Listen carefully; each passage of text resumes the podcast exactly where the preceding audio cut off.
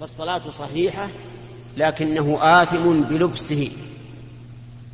هذا هو القول الراجح في هذه المسألة لأن النهي هنا ليس نهيا خاصا بالصلاة. يعني لبس الثوب المحرم عام في الصلاة وغيرها فلا يختص بها فلا يبطلها. هذا هي القاعدة التي أخذ بها جمهور العلماء رحمهم الله وهي القاعدة الصحيحة. وهذا الحديث لو صح لكان فاصلا للنزاع لكنه ضعيف. فمن ضعفه قال صلاة المسبل صحيحة ومن صححه قال صلاة المسبل غير صحيحة. وعلى كل حال فالإنسان يجب عليه أن يتقي الله عز وجل وأن لا يتخذ من نعمته وسيلة لغضبه والعياذ بالله. فإن من بارز الله بالعصيان وقيل له إن الثوب النازل عن الكعب حرام ومن كبائر الذنوب ولكنه لم يبال بهذا فهذا استعان بنعمة الله على معصية الله. نسأل الله لنا ولكم العافية. بسم الله الرحمن الرحيم. الحمد لله رب العالمين والصلاة والسلام على نبينا محمد وعلى آله وصحبه أجمعين. نقل المؤلف رحمه الله تعالى في سياق الأحاديث في باب صفة طول القميص والكم والإزار وطرف, وطرف العمامة. عن قيس بن بشر التغلبي رضي الله عنه قال أخبرني أبي وكان جليسا لأبي الدرداء. قال كان, كان بدمشق رجل من أصحاب النبي صلى الله عليه وسلم يقال له ابن الحنظلية وكان رجلا متوحدا قلما يجالس الناس إنما هو صلاة فإذا فرغ فإنما هو تسبيح وتكبير حتى يأتي أهله فمر بنا ونحن عند أبي الدرداء فقال له أبو الدرداء كلمة تنفعنا ولا تضرك؟ قال بعث رسول الله صلى الله عليه وسلم سرية فقدمت فجاء رجل منهم فجلس في, فجلس في المجلس الذي يجلس فيه رسول الله صلى الله عليه وسلم. فقال لرجل إلى جنبه لو رأيتنا حين التقينا نحن والعدو فحمل فلان وطعن فقال خذها مني وأنا الغلام وأنا الغلام الغفاري. كيف ترى في قوله؟ فقال ما أراه إلا قد بطل أجره. فسمع بذلك آخر فقال ما أرى بذلك بأسا. فتنازعا حتى سمع رسول الله صلى الله عليه وسلم فقال سبحان الله لا بأس أن يؤجر ويحمد. فرأيت, أب فرأيت أبا الدرداء سر بذلك. وجعل يرفع رأسه إليه ويقول أأنت سمعت ذلك من رسول الله صلى الله عليه وسلم؟ فيقول نعم. فما زال يعيد عليه حتى إني لأقول ليبركن على ركبتيه. قال فمر بنا يوما آخر فقال له أبو الدرداء كلمة تنفعنا ولا تضرك. قال قال لنا رسول الله صلى الله عليه وسلم المنفق على الخيل كالباسط يده بالصدقة لا يقبضها ثم مر بنا يوما آخر فقال له أبو الدرداء كلمة تنفعنا ولا تضرك؟ قال قال رسول الله صلى الله عليه وسلم نعم الرجل خريم الأسيدي لو لولا نعم الرجل خريم الأسيدي لولا طول جمته وإسبال إزاره فبلغ ذلك خريما فعجل فأخذ شفرة فقطع بها جمته إلى أذنيه ورفع إزاره إلى أنصاف ساقيه ثم, ثم مر بنا يوما آخر فقال له أبو الدرداء كلمة تنفعنا ولا تضرك؟ قال سمعت رسول الله صلى الله عليه وسلم يقول إنكم قادمون على إخوانكم فأصلحوا حالكم وأصلحوا لباسكم حتى تكونوا كأنكم شامة في الناس. فإن الله لا يحب الفحش ولا التفحش. رواه أبو داود بإسناد حسن. بسم الله الرحمن الرحيم. سبق لنا في حديث جابر بن سليم ما ما ما شرحناه من قبل لكن بقي فيه جملة وهي أن النبي صلى الله عليه وعلى آله وسلم قال إن أحد سب سابك أو عيرك بما بما بما هو فيه فلا تسب فلا تسبه ولا تعيره بما هو فيه أو بما تعلم فيه. وذلك أن الإنسان ينبغي له أن يعفو ويصفح ولا يجعل كل ولا يجعل كل كلمة يسمعها يبني عليها. تغاض عن عن الشيء. واعفو واصفح فإن الله تعالى يحب العافين عن الناس ويثيبهم على ذلك. وأنت إذا عيرته أو سببته بما تعلم فيه طال النزاع. وربما حصل بذلك العداوة. والبغضاء فإذا كففت وسكت هدأت الأمور. وهذا شيء مجرب. أن الإنسان إذا ساب أحدا طال السباب بينهما وحصل تفرق وتباغض. وإذا سكت فإنه قد يكون أنفع. كما قال الله تبارك وتعالى في وصف عباد الرحمن قال وإذا خاطبهم الجاهلون قالوا سلاما. يعني قالوا قولا يسلمون به. إما أن يقولوا مثلا جزاك الله خيرا أعرض عن هذا أترك الكلام وما أشبه ذلك. وقال عز وجل خذ العفو وأمر بالعرف وأعرض عن الجاهلين خذ العفو يعني ما عفا وسهل من أخلاق الناس. ولا تريد من الناس ولا ترد من الناس أن يكونوا على أكمل حال بالنسبة لك الناس ليسوا على هواك لكن خذ منهم ما عفا وما سهل وما تصعب لا تطلبه ولهذا قال وأمر بالعرف وأعرض عن الجاهلين. الجاهل إذا سبك أو شتمك أو ما أشبه ذلك أعرض عنه فإن هذا هو الخير وهو المصلحة والمنفعة. أما الحديث الذي ذكره أخيرا ففيه عبر في قصة ابن الحنظلية رضي الله عنه. حيث كان رجلا يحب التفرد. ما هو ما هو إلا صلاة ثم تسبيح ثم في شأن أهله. يعني أنه لا يحب أن يذهب أن يذهب عمره سبهللا مع الناس والقيل والقال والكلام الفارغ والذي ليس فيه فائدة. يصلي ويسبح ويكون في أهله. فمر ذات يوم لأبي الدرداء رضي الله عنه وهو جالس مع أصحابه فقال له أبو الدرداء رضي الله عنه كلمة تنفعنا ولا تضر. يعني أعطنا كلمة أو قل لنا كلمة تنفعك ولا تضر. فذكر ابن الحنظلية أن النبي صلى الله عليه وآله وسلم بعث قوما على بعث سرية ثم قدمت السرية السرية يعني جيش قليل أقل من أربعمائة نفر يذهبون يقاتلون الكفار إذا لم يسلموا. فقدموا إلى النبي عليه الصلاة والسلام. فجلس أحدهم في المكان الذي يجلس فيه الرسول عليه الصلاة والسلام وجعل يتحدث عن السرية وما صنعت وذكر رجلا راميا يرمي ويقول خذها وأنا الغلام الغفاري. يفتخر. والحرب لا بأس أن الإنسان يفتخر فيه أمام العدو. ولهذا جاز للإنسان في مقابلة الأعداء جاز أن يمشي الخيلاء وأن يتبختر في مشيته وأن يضع على إمامته ريش النعام. وما أشبه ذلك مما يعد مفخرة. لأن هذا يغيظ الأعداء وكل شيء يغيظ الكفار فلك فيه أجر عند الله.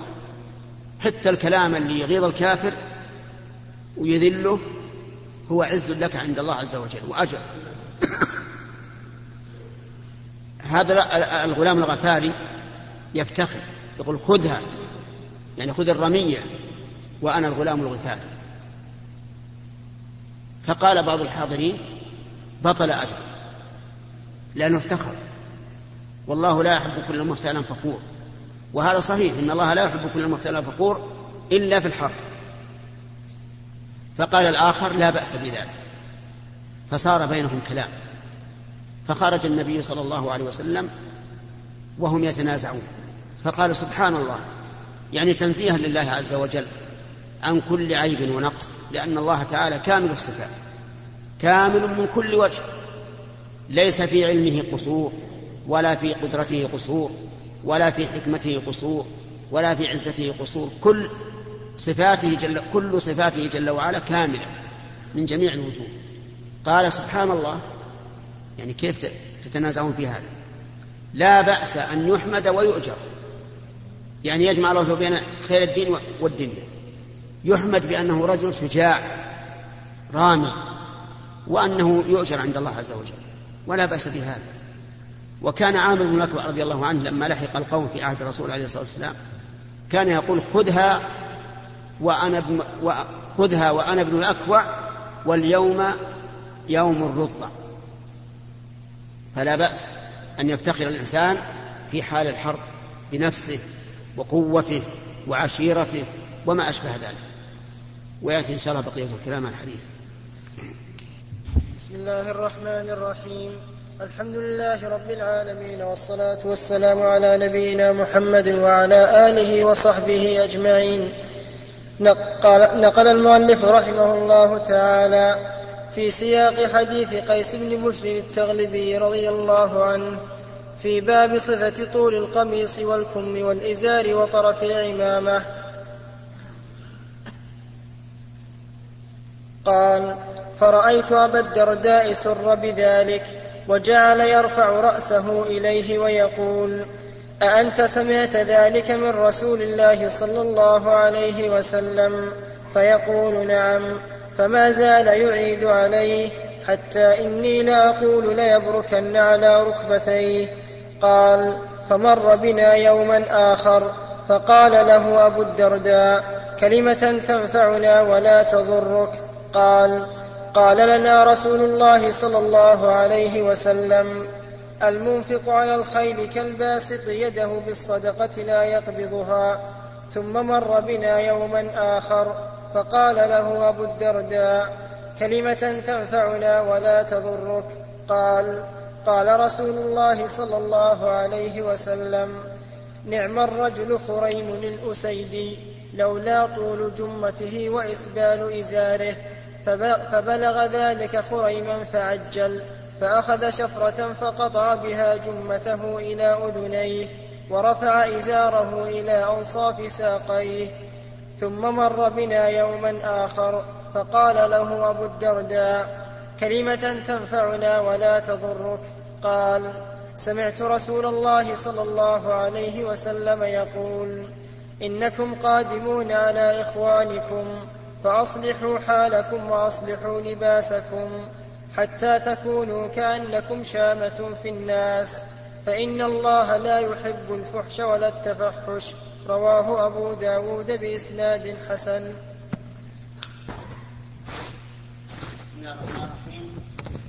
قال المؤلف رحمه الله تعالى فيما نقله في حديث قيس آه، بن في قضية ابن حنظلية ومروره بأبي الدرداء رضي الله عنه. أنه مر بأبي الدرداء فحدثه عن رسول الله صلى الله عليه وسلم بأحاديث. لا صل يا أخي لا صل ما, في صلاة ها؟ ما صليت العصر تو؟ صليت معنا وش صليت؟ يعني صليت معنا الظهر؟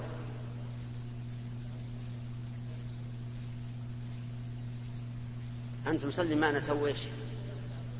العصر وهذه. إيه. بعد اليوم لا تسوي يبدو الظهر قبل. صلى الآن الظهر ما دام ما صليتها لكن بعد اليوم صلى الظهر لو الناس يصلون العصر ما يخالف. صل معهم الظهر وهم يصلون العصر. فمر بأبي الدرداء فقال كلمة تنفعنا ولا تضر يعني علمنا كلمة تنفعنا ولا تضرك.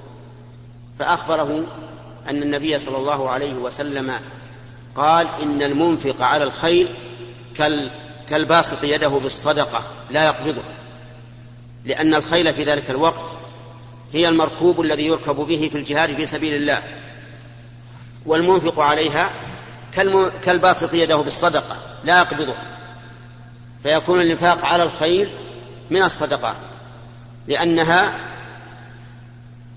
تستعمل في الجهاد في سبيل الله. ثم مر به مرة أخرى فقال كلمة تنفعنا ولا تضرك فأخبره أن النبي صلى الله عليه وعلى آله وسلم أثنى على رجل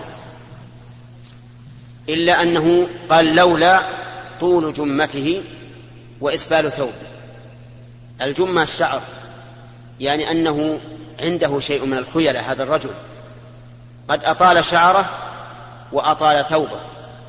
فسمع الرجل بذلك فقص جمته حتى صارت إلى كتفه وقصر ثوبه. وفي هذا دليل على أن الجمة على أن طولها أي طول الجمة يعني الشعر للرجال من المخيلة وأن الشعر للرجل لا يتجاوز الكتف الكتف أو شحمة الأذن أو ما أشبه ذلك. لأن الذي يحتاج إلى التجمل بالرأس هي المرأة فإن المرأة هي التي تحتاج إلى التجمل.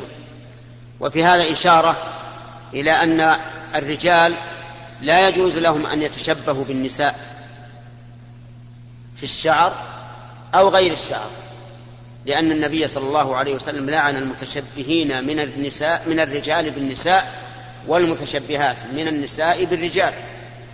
والله جل والله سبحانه وتعالى جعل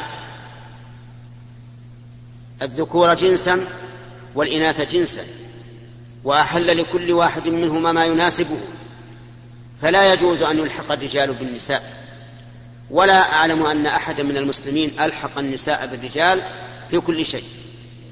لكن الكفار الذين انتكسوا ونكس الله فطرتهم وطبيعتهم هم الذين يقدمون النساء ويقولون لابد أن تشارك المرأة الرجل حتى لا يحصل فرق. ولا ولا شك أن هذا خلاف الفطرة التي جبل الله عليها الخلق وخلاف الشريعة التي جاءت بها الرسل. فالنساء لهن خصائص والرجال لهم خصائص. ثم إن الرجل سمع بذلك سمع بذلك فقص جمته وفيه دليل على امتثال الصحابة رضي الله عنهم. لأمر النبي صلى الله عليه وسلم واسترشادهم بإرشاده وأنهم يتسابقون إلى ما يقول وهذا علامة الإيمان. أما المتباطئ في تنفيذ أمر الله ورسوله فإن فيه شبها من المنافقين. الذين إذا قاموا إلى الصلاة قاموا كسالى. تجد مثلا يخبر عن حكم الله ورسوله في شيء ثم يتباطأ ويتثاقل. وكأنما وضع على رأسه صخرة والعياذ بالله. ثم يذهب إلى كل عالم لعله يجد رخصة مع أن العلماء قالوا إن تتبع الرخص من الفسق والعياذ بالله والمتتبع للرخص فاسق حتى إن بعضهم قال إن من تتبع الرخص فقد تزندق أي صار زنديقا. فعلى الإنسان إذا بلغه أمر الله ورسوله من شخص يثق به في علمه وفي دينه أن لا يتردد وأقول في علمه ودينه لأن من الناس من هو دين وملتزم ومتجه لكن ليس عنده علم. تجد يحفظ حديثا من أحاديث الرسول ثم يقوم يتكلم في الناس وكأنه إمام من الأئمة. وهذا يجب الحذر منه ومن فتاويه لأنه قد يخطئ كثيرا لقلة علمه. ومن الناس من يكون عنده علم واسع لكن له هوى والعياذ بالله. له هوى يفتي الناس بما يرضي الناس لا بما يرضي الله. وهذا يسمى عالم الأمة لأن العلماء ثلاثة أقسام عالم ملة وعامل دولة وعالم أمة. أما عالم الملة فهو الذي ينشر دين الإسلام ويفتي بدين الإسلام عن علم ولا يبالي بما دل عليه الشرع. أوافق أهواء الناس أم لم يوافق. وأما عالم الدولة فهو الذي ينظر ماذا تريد الدولة. فيفتي بما تريد الدولة ولو كان في ذلك تحريف كتاب الله وسنة رسوله صلى الله عليه وعلى آله وسلم. وأما عالم الأمة فهو الذي ينظر ماذا يرضي الناس. إذا رأى الناس على شيء أفتى بما يرضيهم ثم يحاول أن يحرف نصوص الكتاب والسنة من أجل موافقة أهواء الناس. نسأل الله يجعلنا وإياكم من علماء الملة العاملين بها والمهم أن الإنسان يجب أن لا يغرر بدينه وأن لا يغتر بل يكون مطمئنا حتى يجد من يثق به في علمه ودينه ويأخذ دينه منه. انظروا عمن تأخذون دينكم. لأن هذا دين طريق إلى الله عز وجل. ثم إن هؤلاء المغرمين بالكفار وتقليدهم والعياذ بالله. تجدهم يقلدون الكفار في الملابس. إذا جاءت هذه المجلات التي يسمونها البردة على طول ذهبوا بها إلى أهل البيت وقالوا شوفوا ثم صور خالعة وألبسة مخالفة للشريعة. فتجد النساء لقلة عقول لقصرهن نظرا ونقصهن عقلا ودينا. إذا رأت شيئا يعجبها يمليه عليه هواؤها يمليها هواها قالت لزوجها أريد مثل هذا أو لأخيها أو ما أشبه ذلك. فيصبح الشعب المسلم في زيه كزي الشعب الكافر والعياذ بالله. وهذه مسألة خطيرة من تشبه بقوم فهو منهم. ومن ذلك الآن ما تفعله النساء برؤوسهن. كان النساء إلى عهد قريب. تفرح المرأة إذا طال رأسها. والخطيب إذا خطب امرأة صار يسأل رأسه شلون طويل ولا قصير؟ أما الآن فصار الأمر بالعكس. المرأة تقص رأسها حتى يكون قريبا من رأس الرجل أو مثل رأس الرجل. نسأل الله العافية. ثم بدأنا أيضا يستعملنا ما يسمى بالخنفسة أو ضد الخنفسة. تجد المرأة تقص سوالف رأسها مقدم الرأس والباقي يبقى مقصرا ومشكلا مشرفا كل هذا تقليد وكل هذا في غف بسبب الغفلة من الرجال عن النساء. والواجب أن تكون رجلا في بيتك رجلا بمعنى الكلمة. ما تكون رجلا كأنك خشبة عند أهلك. كن رجلا. إذا رأيت أهلك مقصرين في واجب لله عز وجل مرهم. وإذا كان الشرع يجيز لك أن تضرب اضرب. إذا رأيتهم يخالفون الشرع في شيء من الأمور الأخرى ألزمهم بالشرع لأنك مسؤول. أعطاك النبي صلى الله عليه وسلم إمارة على أهلك. الرجل راع في أهله ومسؤول عن رعيته. ما نصبك فلان وفلان. ما نصبك أمير البلد ولا وزير الداخلية ولا الملك ولا غيره. نصبك محمد رسول الله. أنت أمير في بيتك. الرجل راع في بيته ومسؤول عن رعيته. ولم يقل راع وسكت. لو كان كذلك لهان الأمر. لقد مسؤول عن رعيته. فانظر ماذا يكون جوابك إذا وقفت يوم القيامة بين يدي الله. فعلينا أن ننتبه لهذه الأمور. قبل أن يجترفنا السيل الجرار الذي لا يبقي ولا يذر والعياذ بالله. ثم تنقلب عاداتنا وأحوالنا كأحوال النصارى. ثم ذكر في بقية الحديث أن النبي صلى الله عليه وسلم أرشدهم إلى أن يخرج الرجل على وجه يرضي. قال إنكم تلاقون إخوانكم أو قال أصحابكم غدا. يعني فأصلحوا أحوالكم وأصلحوا ثيابكم لأنه من المعروف فيما سبق أن المسافر تكون ثيابه رثة وتكون شعوره منتفشة ويكون عليه الغبار.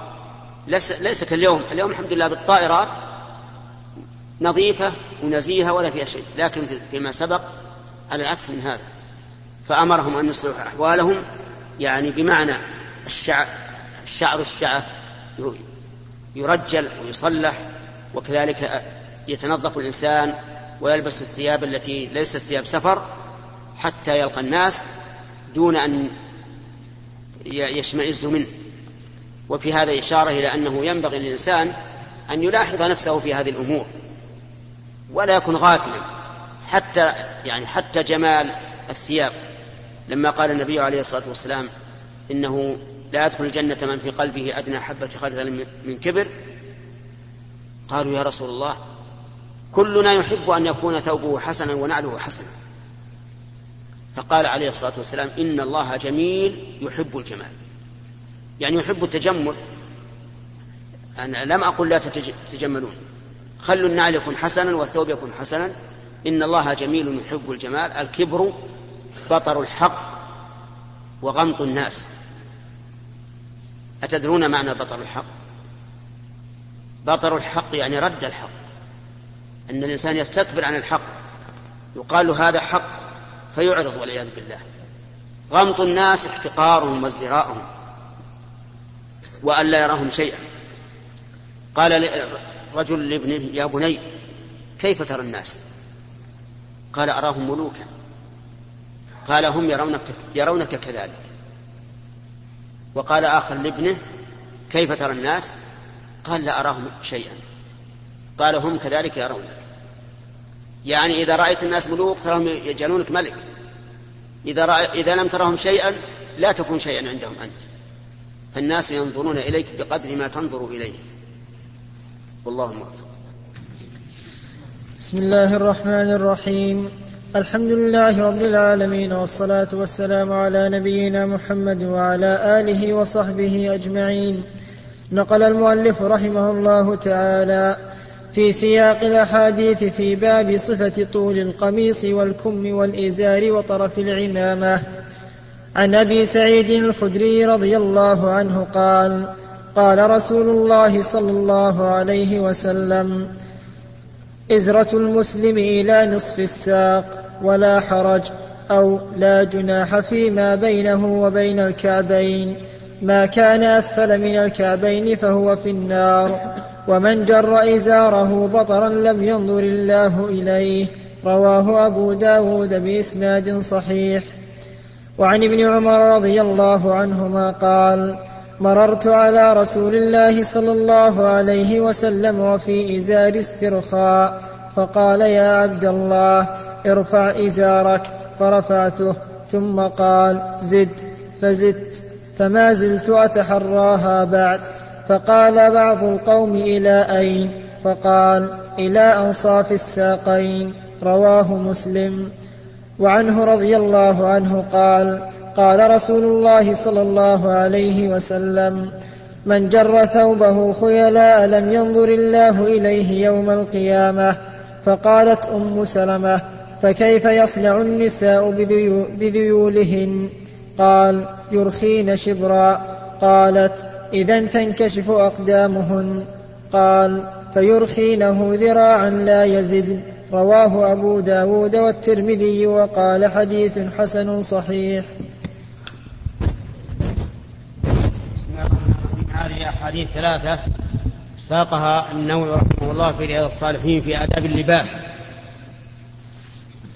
منها حديث أبي سعيد الخدري رضي الله عنه أن النبي صلى الله عليه وعلى آله وسلم قال أزرة المؤمن إلى نصف الساق ولا جناح أو قال لا حرج فيما بينه وبين الكعبين وما أسفل من الكعبين ففي النار ومن جر إزاره بطرا لم ينظر الله إليه. فقسم النبي صلى الله عليه وسلم الطول طول القميص إلى أربعة أقسام القسم الأول السنة. إلى نصف الساق. والقسم الثاني الرخصة وهو ما نزل من نصف الساق إلى الكعب. والقسم الثالث كبيرة من كبائر الذنوب وهو ما نزل عن الكعبين ولكنه, ولكنه لم يكن بطرا. والرابع ما نزل من من جر ثوبه خيلاء أو بطرا وهو أشد من ال... الذي قبله. فصارت الأقسام أربعة. قسم هو السنة وقسم جائز وقسم محرم بل من كبائر الذنوب لكنه دون الذي أسفل منه. والقسم الرابع من جره خيلاء فإن الله تعالى لا ينظر إليه. وفي هذا دليل على أن من, من أنزل ثوبه إزارا أو قميصا أو سروالا أو مشلحا. إلى إلى أسفل من الكعبين فإنه قد أتى كبيرة من كبائر الذنوب. سواء فعل ذلك خيلاء أو لغير الخيلاء. لأن النبي صلى الله عليه وسلم فرق في هذا الحديث بين ما كان خيلاء وما لم يكن كذلك. فالذي جعله خيلاء لا ينظر الله إليه يوم القيامة. وإذا حملنا هذا الحديث إلى أو إذا ضممنا هذا الحديث إلى حديث أبي ذر السابق قلنا لا ينظر الله إليه ولا يكلمه ولا يزكيه وله عذاب أليم. وأما ما دون الكعبين فإنه يعاقب عليه بالنار فقط ولكن لا تحصل له العقوبات الأربع وهي أن الله لا يكلمه ولا ينظر إليه ولا يزكيه وله عذاب أليم. ثم ذكر حديث ابن عمر أن النبي صلى الله عليه وعلى آله وسلم أمره أن يرفع إزاره فرفعه ثم قال زد ثم قال زد حتى قال رجل إلى أين يا رسول الله؟ قال إلى نصف الساق. يعني الزيادة إلى فوق لا تتجاوز نصف الساق من فوق لكنها من نصف الساق إلى الكعب. كل هذا جائز وكلما ارتفع إلى نصف الساق فهو أفضل. وأما حديث أم سلمة رضي الله عنها أن النبي صلى الله عليه وسلم رخص للنساء أن يرخين ذيولهن يعني أسفل ثيابهن إلى شبر فقالت إذا تنكشف أقدامهن.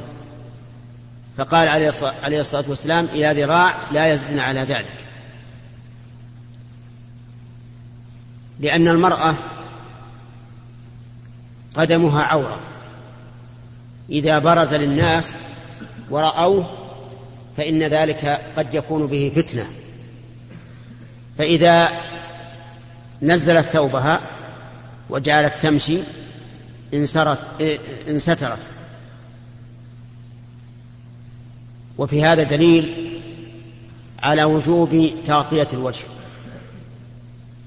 لأنه إذا كانت القدم يجب سترها مع أن الفتنة فيها أقل من الفتنة بالوجه فستر الوجه من باب أولى. ولا يمكن للشريعة التي نزلت من لدن حكيم خبير أن تقول للنساء يغطين أقدامهن ولا يغطين وجوههن لأن هذا تناقض. بل, بل هذا إعطاء للحكم في شيء وحجب الحكم عن شيء أولى منه وهذا لا يتصور في الشريعة العادلة التي هي الميزان. ولهذا أبعد الصواب من قال من العلماء إنه يجب أن تستر القدمان ولا يجب أن يستر الوجه والعينان. هذا لا يمكن أبدا. والصواب الذي لا شك عندنا فيه أنه لا يحل للمرأة أن تكشف وجهها إلا لزوجها أو محارمها. والله أعلم.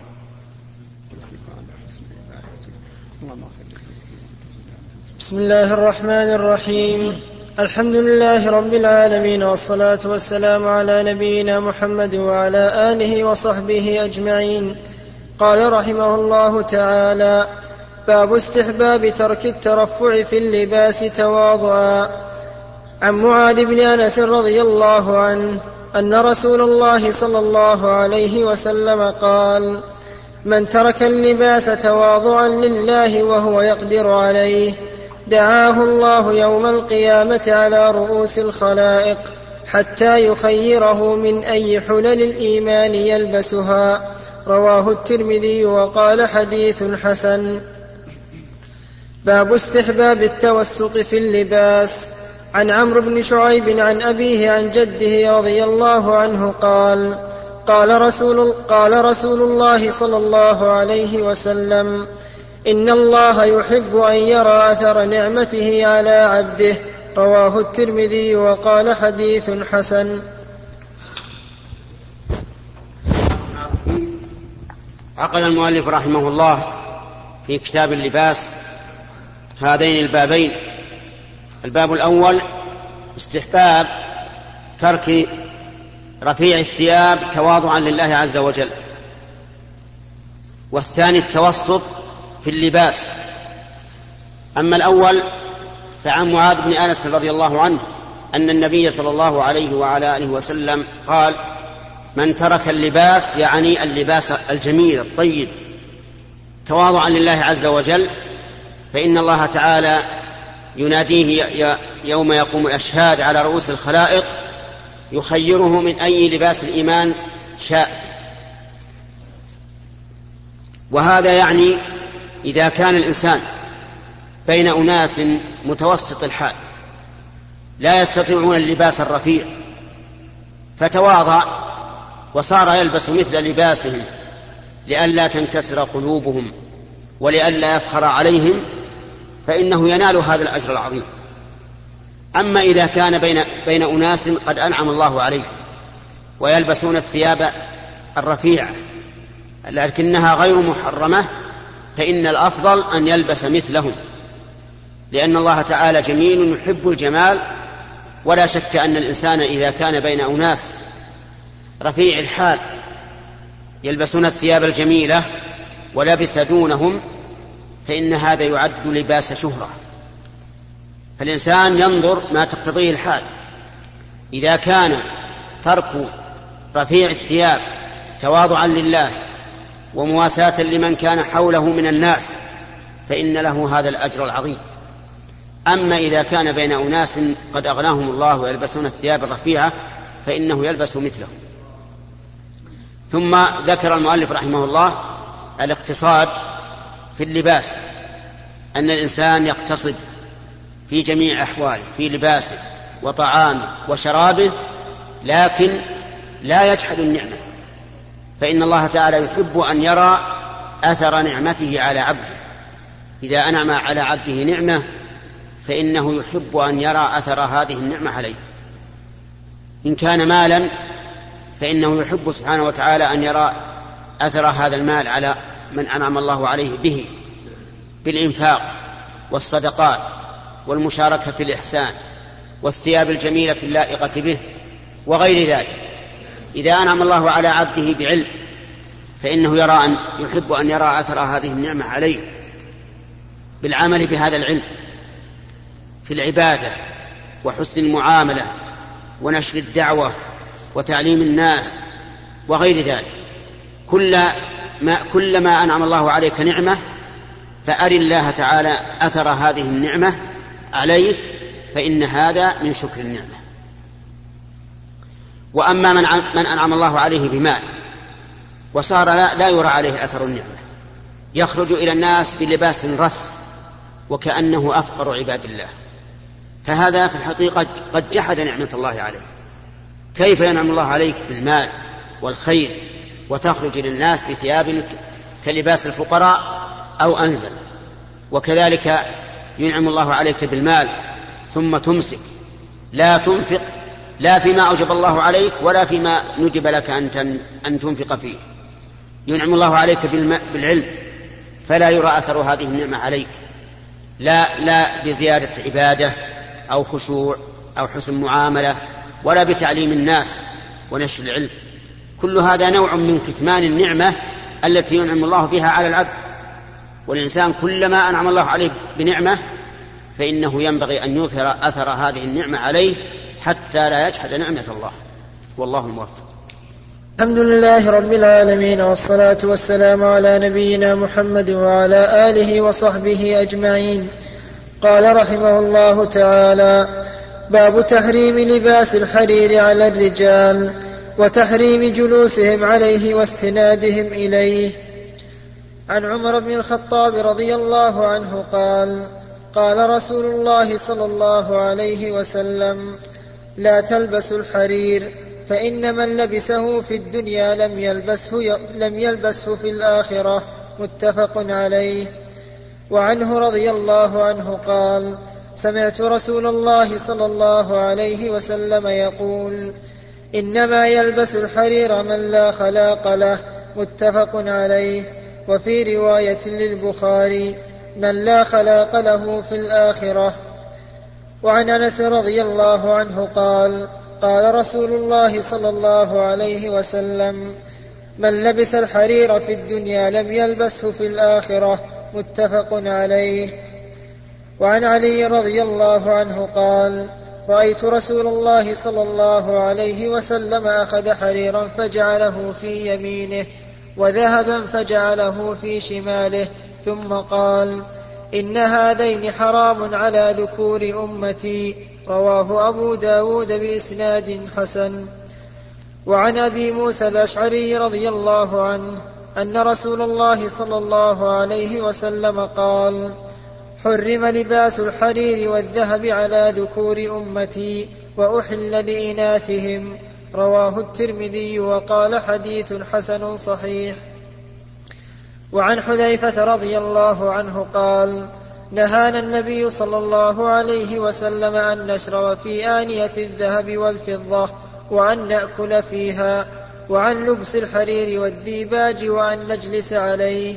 رواه البخاري. قال النووي رحمه الله في كتاب رياض الصالحين في كتاب اللباس. باب تحريم لباس الحرير على الرجال وافتراشه والاستناد إليه. هذه ثلاثة أمور.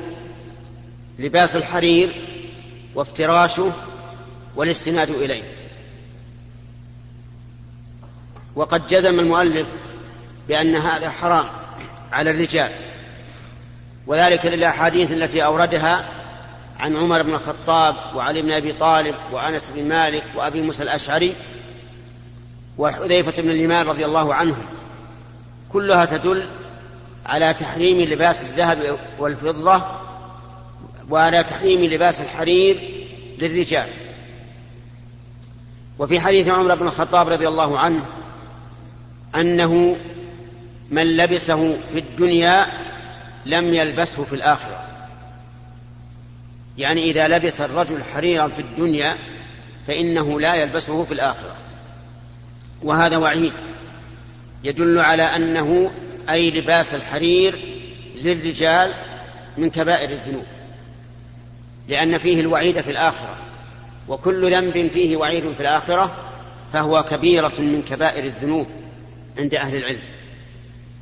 ولا فرق بين أن يكون قميصا أو سراويل أو فنيلة أو غترة أو طاقية أو غير ذلك مما يلبس. كل هذا حرام على الرجال. لا يجوز للرجال أن يلبسوا شيئا من الحرير لا قليلا ولا كثيرا. وفي حديث علي أن النبي صلى الله عليه وسلم أخذ ذهبا وحريرا بيديه وقال هذان حرام على ذكور أمتي حل لإناثها. والحكمة من ذلك أو الحكمة في ذلك أن المرأة محتاجة إلى التجمل لزوجها فأبيح لها الذهب والحرير وأما الرجل فليس بحاجة إلى ذلك فلهذا حرم عليه لبس الذهب والحرير. وفي حديث عمر بن الخطاب رضي الله عنه أن من لبسه أو إن أنه إنما يلبسه من لا خلاق له في الآخرة. يعني من لا نصيب له في الآخرة. ولهذا ذهب بعض العلماء إلى أن الإنسان إذا لبس الحرير في الدنيا فإنه لا يدخل الجنة والعياذ بالله. لأن الرسول قال عليه الصلاة والسلام لا خلاق له في الآخرة أي لا نصيب له. وقال أيضا من لبسه في الدنيا لم يلبسه في الآخرة. وهذا يعني أنه لا يدخل الجنة. وقال بعض العلماء بل يدخلها ولكن لا يتمتع بلباس الحرير مع أن أهل الجنة لباسهم فيها حرير وإنما يلبس شيئا آخر. وهذا ما لم يتب فإن تاب من ذنوبه فإن التائب من الذنب يغفر الله له ذنبه. كما قال تعالى قل يا عبادي الذين أسرفوا على أنفسهم لا تقنطوا من رحمة الله. إن الله يغفر الذنوب جميعا. وهذا في الحرير الطبيعي الذي يخرج من دون القز وأما الحرير الصناعي فليس حراما لكن لا ينبغي للرجل أن يلبسه لما فيه من الميوعة والتنزل أيها الإخوة بحال في ختام هذه المادة ينبغي أن يكون نسأل الله أن خشنا نلقاكم في لقاءات متجددة. يلبس ثياب الرجولة لا ثياب مع النعوم تحيات. مؤسسة الاستقامة الإسلامية.